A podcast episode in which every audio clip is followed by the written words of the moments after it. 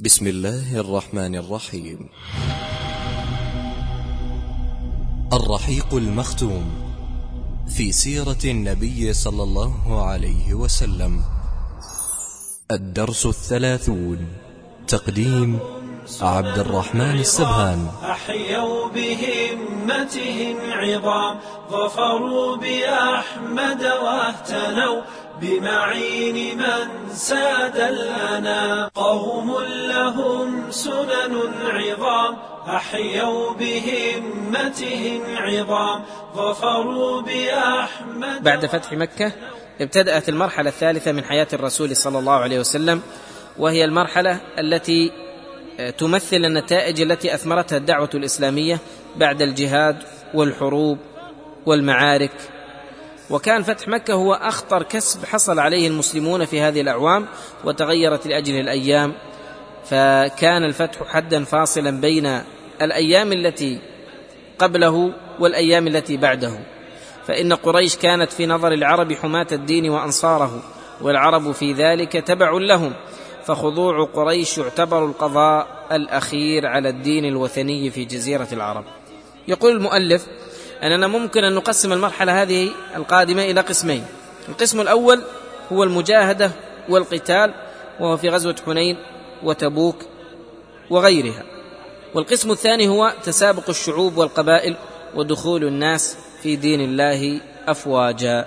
إن فتح مكة جاء عقب ضربة خاطفة شده لها العرب وبغتت القبائل المجاورة بالأمر الواقع الذي لم يكن يمكن لها أن تدفعه ولذلك لم تمتنع عن الاستسلام إلا بعض القبائل الشرسة القوية المتغطرسة وفي مقدمتها بطون هوازن وثقيف.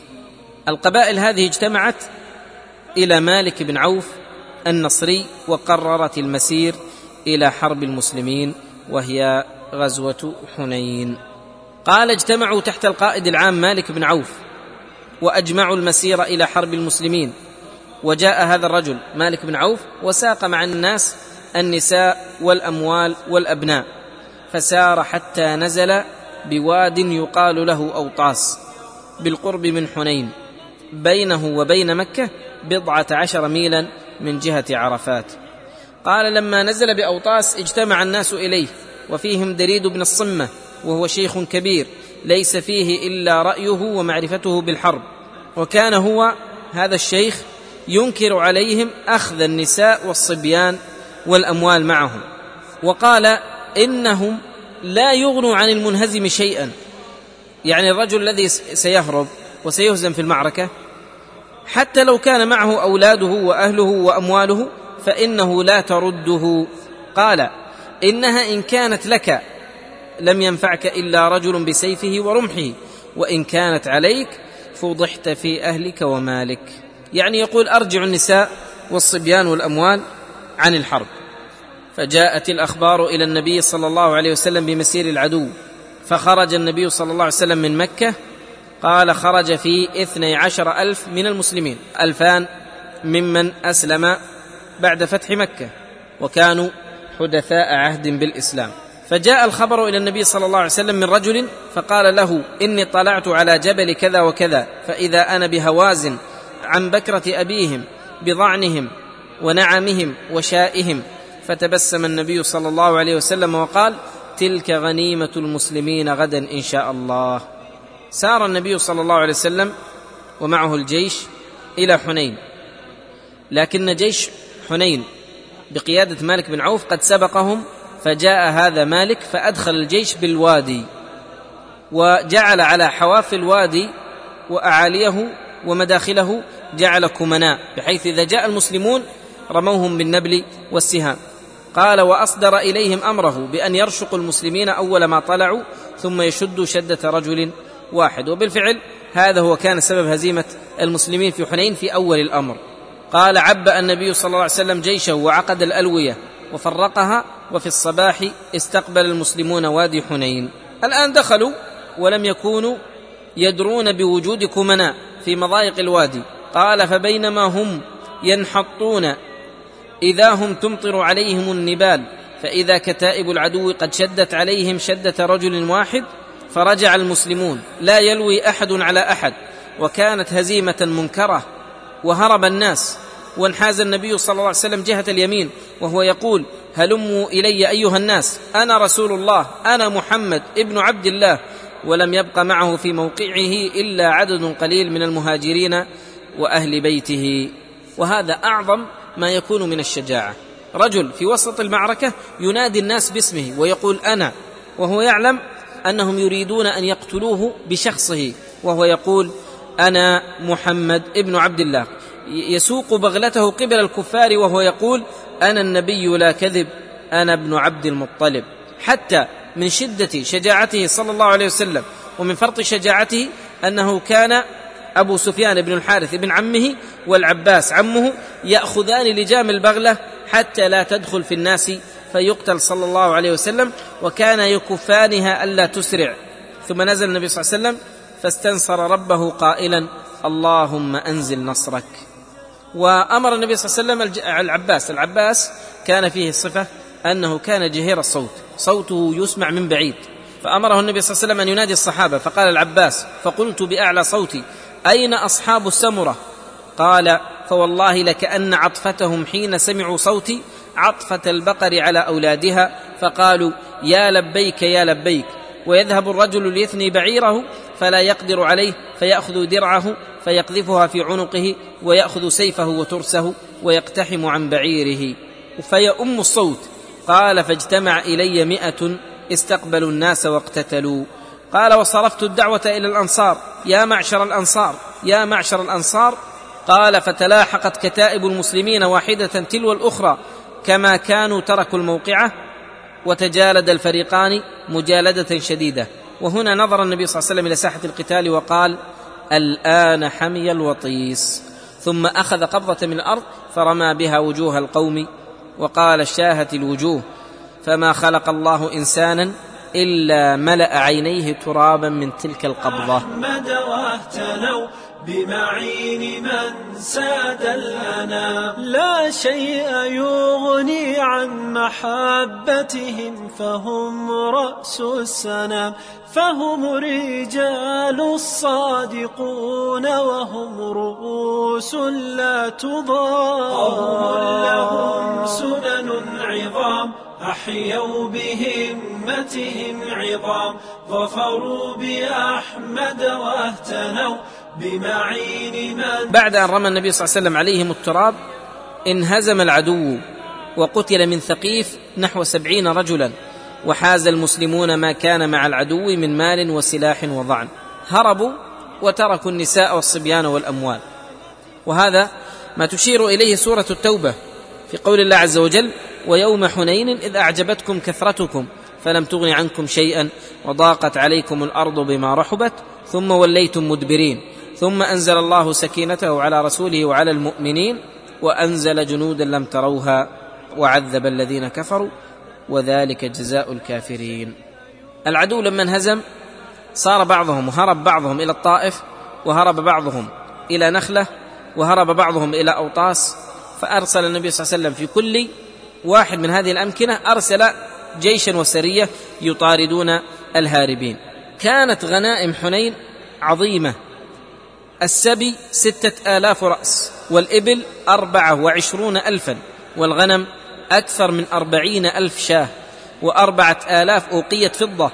أمر النبي صلى الله عليه وسلم بجمعها ثم حبسها بالجعرانة وجعل عليها مسعود الغفاري ولم يقسمها. لماذا؟ لأنه ذهب إلى الطائف وحاصرها فلم يقسم هذه الغنائم إلا حينما قدم من الطائف وسيأتينا. غزوة الطائف لا يمكن أن نفصلها عن غزوة حنين. فهي امتداد لها. لأنهم لما هربوا دخلوا الطائف مع قائدهم مالك بن عوف وتحصنوا بها.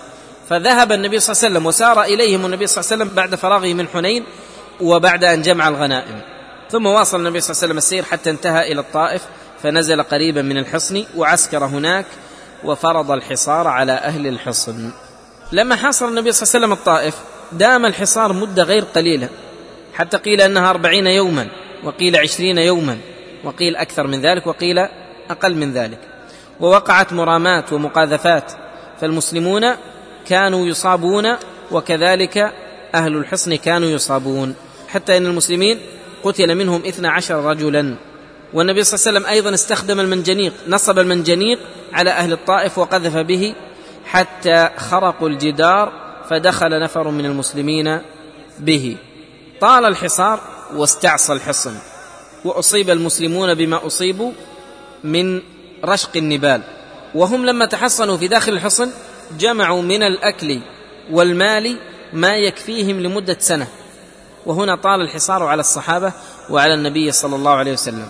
فهنا استشار النبي صلى الله عليه وسلم نوفل الديلي فقال نوفل قال هم ثعلب في جحر.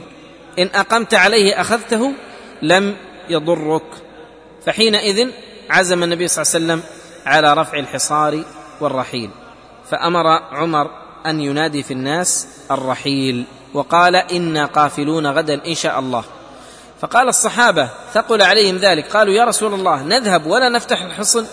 فقال النبي صلى الله عليه وسلم أغدوا على القتال. فغدوا فأصابهم جراح فقال إنا قافلون غدا إن شاء الله. فسروا بذلك وأذعنوا وجعلوا يرحلون والنبي صلى الله عليه وسلم يضحك. وهنا عاد النبي صلى الله عليه وسلم. لما عاد أراد النبي صلى الله عليه وسلم أن يقسم الغنائم. وهنا تجلت رحمة هذا النبي الكريم وكرمه وعطفه على الناس ودعوته لهم بتأليف قلوبهم إلى الإسلام. هذه الأموال وهذه الفضة وهذه الإبل والغنم والنساء لم يكن في قلبه شيء من حب الدنيا. إنما آثر الناس لكي يؤلف قلوبهم ويستميلها إلى حب الإسلام لكي يدخل الإيمان في قلوبهم. قال ولما عاد النبي صلى الله عليه وسلم مكث بالجعرانة بضع عشرة ليلة لا يقسم الغنائم ويتأنى بها يريد أن يأتي هوازن مسلمين تائبين فيعطيهم أموالهم ونساءهم. قال فلما لم يجئه أحد بدأ بقسمة المال. فأعطى أبا سفيان بن حرب أربعين أوقية ومائة من الإبل. فقال أبو سفيان ابني يزيد فأعطاه مثلها. فقال ابني معاوية فأعطاه مثلها. وأعطى حكيم بن حزام مائة من الإبل. ثم سأله مرة أخرى فأعطاه إياها. وأعطى صفوان بن أمية مائة من الإبل ثم مائة ثم مائة. وأعطى الحارث ابن كلدة مائة من الإبل. وأعطى رجالا من رؤساء قريش وغيرها مئة مئة من الإبل وأعطى آخرين خمسين خمسين وأربعين أربعين حتى شاع في الناس أن محمدا يعطي عطاء ما يخاف الفقر. فازدحمت عليه الأعراب يطلبون المال حتى اضطروه إلى شجرة فانتزعت رداءه. فقال صلى الله عليه وسلم أيها الناس ردوا علي ردائي فوالذي نفسي بيده لو كان عندي شجرة هامة نعما لقسمته عليكم ثم ما ألفيتموني بخيلا ولا جبانا ولا كذابا. قال المؤلف كانت هذه القسمة مبنية على سياسة حكيمة فإن في الدنيا أقواما كثيرين يقادون إلى الحق من بطونهم لا من عقولهم. فكذلك هذه الأصناف من البشر تحتاج إلى فنون من الإغراء حتى تستأنس بالإيمان وتهش له. بمعين من ساد الأنام. يا رب فاجمعنا بهم يوم القيامة في سلام. يا رب فاجمعنا بهم يوم القيامة في سلام. قوم لهم سنن عظام. الأنصار لم يعطهم النبي صلى الله عليه وسلم شيئا فقد حرموا جميعا أعطية حنين. وهم الذين نودوا وقت الشدة فطاروا يقاتلون مع النبي صلى الله عليه وسلم حتى تبدل الفرار انتصارا وها هم أولئك يرون أيدي الفارين ملأى وأما هم فلم يمنحوا شيئا قط. هذا الحديث والموقف فيه قمة المحبة والإيمان والصدق منهم رضي الله عنهم. وكذلك من محبة الله ورسوله لهم ودخول رسول الله صلى الله عليه وسلم فيهم وأنه ينتسب إلى الأنصار وأنه دعا لهم ودعا لأولادهم ودعا لأولاد أولادهم. عن أبي سعيد الخدري قال لما أعطى رسول الله صلى الله عليه وسلم ما أعطى من تلك العطايا في قريش وفي قبائل العرب ولم يكن في الأنصار منها شيء وجد هذا الحي من الأنصار في أنفسهم. حتى كثرت فيهم القالة حتى قال قائلهم لقي والله رسول الله صلى الله عليه وسلم قومه فدخل عليه سعد بن عبادة فقال يا رسول الله إن هذا الحي من الأنصار قد وجدوا عليك في أنفسهم لما صنعت في هذا الفيء الذي أصبت. قسمت في قومك وأعطيت عطايا عظاما في قبائل العرب ولم يكن في هذا الحي من الأنصار منها شيء. قال فأين أنت من ذلك يا سعد؟ يعني إيش موقفك من هذا الكلام؟ وأنت أميرهم. قال يا رسول الله ما أنا إلا من قومي. قال فاجمع قومك في هذه الحظيرة. فخرج سعد فجمع الأنصار في تلك الحظيرة. فجاء رجال من المهاجرين فتركهم فدخلوا وجاء آخرون فردهم. فلما اجتمعوا له أتاه سعد فقال لقد اجتمع لك هذا الحي من الأنصار. فأتاهم رسول الله صلى الله عليه وسلم فحمد الله وأثنى عليه. ثم قال يا معشر الأنصار مقالة بلغتني عنكم وجدة وجدتموها علي في أنفسكم. ألم آتكم ضلالا فهداكم الله وعالة فأغناكم الله وأعداء فألف الله بين قلوبكم؟ قالوا بلى والله ورسوله أمن وأفضل. ثم قال ألا تجيبوني يا معشر الأنصار؟ قالوا بماذا نجيبك يا رسول الله؟ لله ولرسوله المن والفضل. قال أما والله لو شئتم لقلتم فلصدقتم ولصدقتم. أتيتنا مكذبا فصدقناك ومخذولا فنصرناك وطريدا فآويناك وعائلا فآسيناك. أوجدتم يا معشر الأنصار في أنفسكم في لعاعة من الدنيا تألفت بها قوما ليسلموا ووكلتكم إلى إسلامكم. ألا ترضون يا معشر الأنصار أن يذهب الناس بالشاة والبعير وترجعوا برسول الله صلى الله عليه وسلم إلى رحالكم؟ فوالذي نفس محمد بيده لولا الهجرة لكنت امرأ من الأنصار. ولو سلك الناس شعبا وسلك الأنصار شعبا لسلكت شعب الأنصار. اللهم ارحم الأنصار وأبناء الأنصار وأبناء أبناء الأنصار. قال فبكى القوم حتى أخضلوا لحاهم وقالوا رضينا برسول الله قسما وحظا. ثم انصرف رسول الله صلى الله عليه وسلم وتفرقوا. وهذا هو أعظم شرف للأنصار الذي حازوه دون سائر القبائل ودون سائر من كان مع النبي صلى الله عليه وسلم في تلك الغزوة. أن دعا لهم النبي صلى الله عليه وسلم ودعا لأولادهم وانتسب إليهم.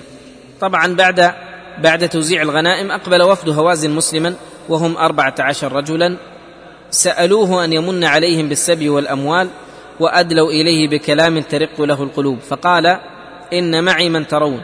وإن أحب الحديث إلي أصدقه فأبناؤكم ونساؤكم أحب إليكم أم أموالكم؟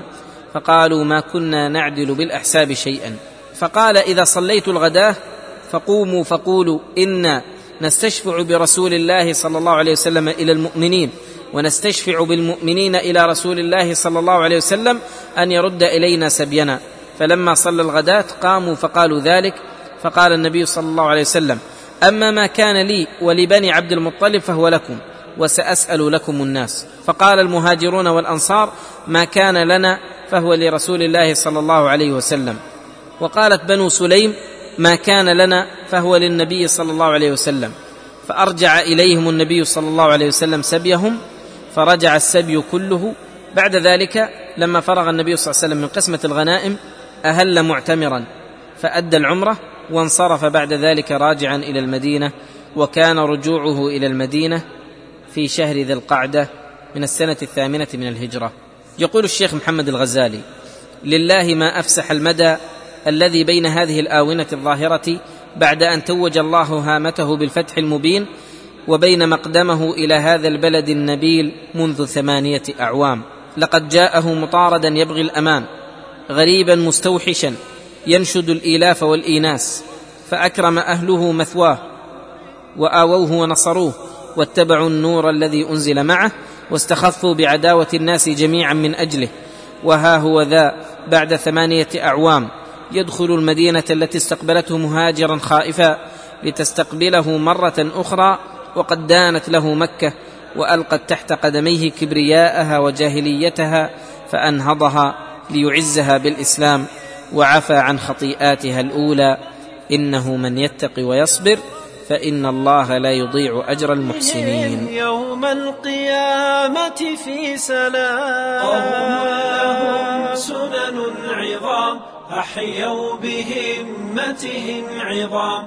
ظفروا بأحمد واهتنوا بمعين من ساد الأنام.